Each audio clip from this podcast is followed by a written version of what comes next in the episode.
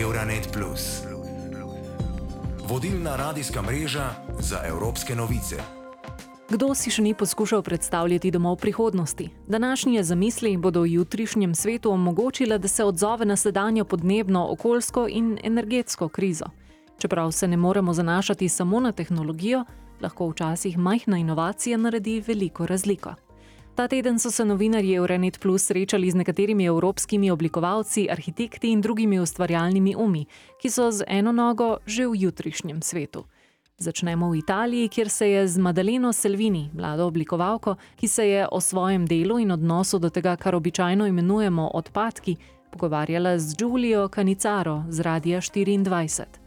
Madalena je povedala, da je trajnost njenega dela skoraj neprostovoljna in dodala, da je mogoče vsak material z malo domišljije in ljubezni spremeniti v pomensko poln predmet z dolgo življenjsko dobo.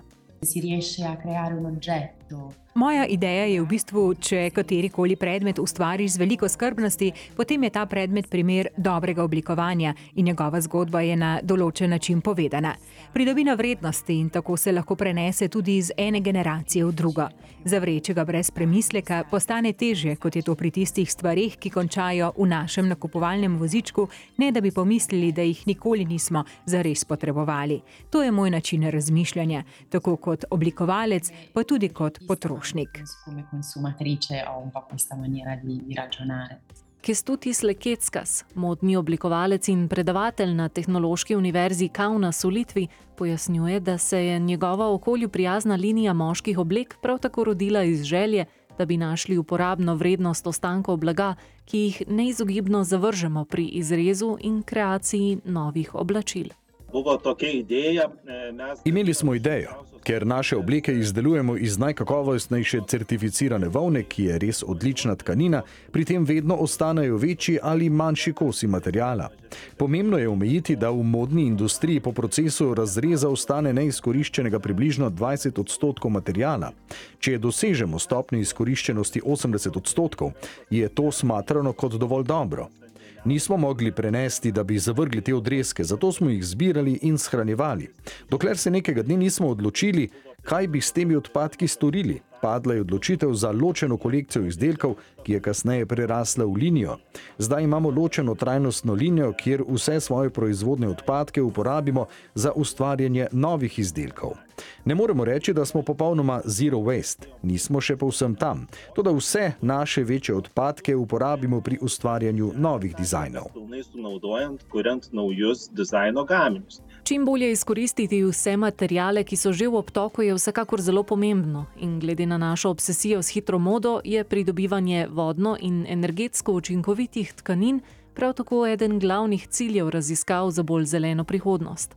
Red Aus, trajnostni modni oblikovalec in raziskovalec na Estonski akademiji za umetnost, je Martu Valnerju s Kuku Radio povedal, da moramo, če želimo zmanjšati količino proizvedenega novega blaga, iti še korak dlje tuleks tegeleda aktiivselt sellega, et mida me üldse turule paneme. Morali bi se aktivno ukvarjati s tem, kaj sploh dajemo na trg, kakšne izdelke ustvarjamo, kakšno oblikovalsko izobrazbo imamo, kakšne oblikovalce usposabljamo in ali lahko ustvarijo izdelke, ki temelijo na življenjskem ciklu. Sposobni smo izdelati oblačila, ki jih je mogoče stoodstotno reciklirati, pri čemer je tudi zaponka iz takšnega materijala. V bistvu lahko vzamete tak izdelek, ga potisnete skozi cev in na drugem koncu pride ven nit. Viskoza je en primer, vlakna na osnovi nafte so drug. Če jih že imamo, bi jih morali zbirati, saj mnoge od njih lahko znova in znova recikliramo. Tu bi morali začeti razvijati monomaterijale, ki jih lahko obdržimo v obtoku. Volna je material, ki ga lahko obdržimo v obtoku, saj so njena vlakna trpežna. Zagotovo pa so kemično recikliranje in viskozi podobni materijali prihodnost. Laadsed materjalid on ka tulevik. Toda poglejmo dlje od mode. Glede na dolgo življenjsko dobo zgrad, po katerih prebivamo, imajo tisti, ki načrtujejo hiše prihodnosti, ključno vlogo pri zmanjševanju našega dolgoročnega vpliva na naravni svet. Peter Dinkov, izvršni direktor Inštituta za urbanistično načrtovanje in prej glavni arhitekt mestne občine Sofija, je za BNR povedal, da je energetsko učinkovita arhitektura logičen koncept, ki pravzaprav obstaja dlje kot naša odvisnost od električne energije ter ogrevalnih in hladilnih sistemov. Što od uh drevni vremena.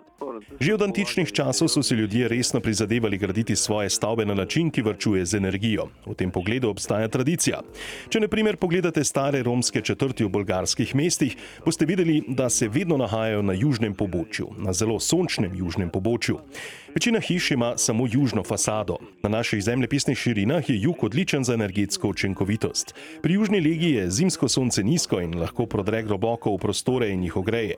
Poletno sonce pa je visoko in ob južni legi skoraj da ne prodre v prostore, z drugimi besedami, ni potrebe po hlajenju. To načelo oblikovanja ni novo. Klimatično značenje na energospestjavanju. Patrik Benedičič, arhitekt in sodelavec revije Outsider, kjer se ukvarja predvsem s temami povezanimi z gradnjo zemlje v arhitekturi, medtem izpostavi, da pri merjenju učinkovitosti oziroma trajnosti in ekološkosti arhitekture ni pomembna le poraba energije. Važno je pa še nekaj drugega. Namreč, če merimo samo porabo energije, doskrat ne upoštevamo tega, koliko energije oziroma koliko oglikovega dioksida stavba porabi prek celotnega življenjskega obdobja. Ne? Mhm. Koliko energije potrebujemo za izgradnjo, koliko energije porabi, to je tisto, kar merimo, in koliko energije je potem važno za razgradnjo stavbe. Ne? In to vse bi morali upoštevati, če bi hoteli bolj merodajno govoriti o tem, kaj je trajnostno in kaj je ekološko. Pri načrtovanju doma prihodnosti je torej bistveno upoštevati dizajn zgradbe, dizajn stavbe, njeno vzdrževanje, energetsko potrošnjo in vpliv na okolje v vseh letnih časih in skozi njeno celotno življenjsko dobo. Na vprašanje, kaj je mogoče storiti, da bi oblažili vpliv ogličnega odtisa gradnje, arhitekt in publicist revije Outsider Mateoš Granda izpostavi obnovo že obstoječih zgradb.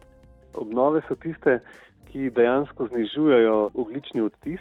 Namreč vsaka novogradnja, pa ne bo še tako varčna, je doprinos k ogličnemu odtisu. Prenova pa lahko dejansko zmanjša. Imamo zgradbo, ki je ali slabo izolirana ali neuporabljena. Za njeno prenovo lahko aktiviramo nove površine in hkrati naredimo te prostore oziroma ta objekt energetsko učinkovitejši. Seveda drugo, kar lahko naredimo, je pa izbira materijalov, da so ti materijali pač materijali z nizkim ogličnim odtisom.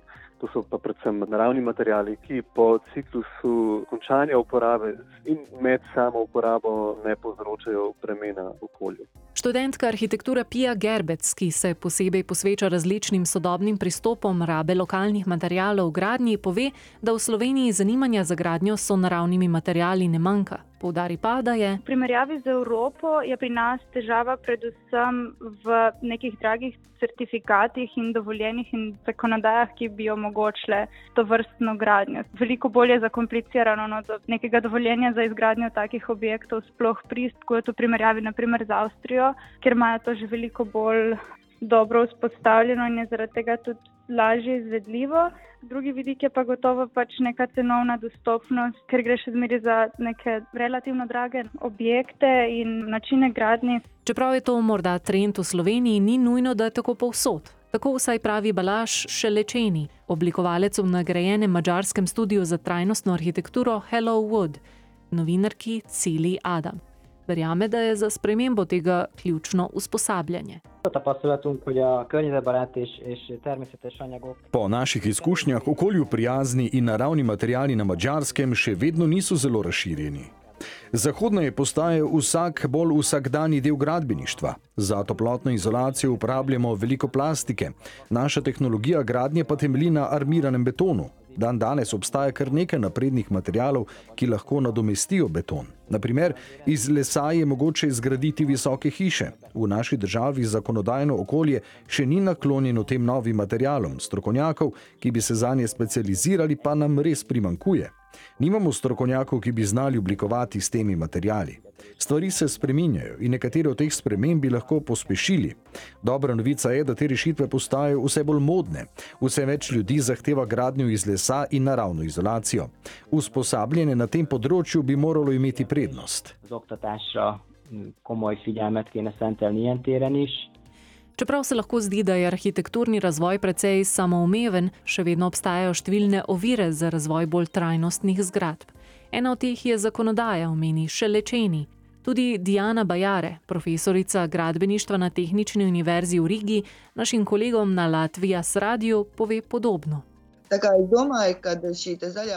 Mislim, da to zeleno razmišljanje, ki se je najprej začelo širiti med čudaki v zasebnem sektorju, zdaj ni več tako čudno. Pravzaprav postaja modno in o tem razmišlja vse več velikih podjetij.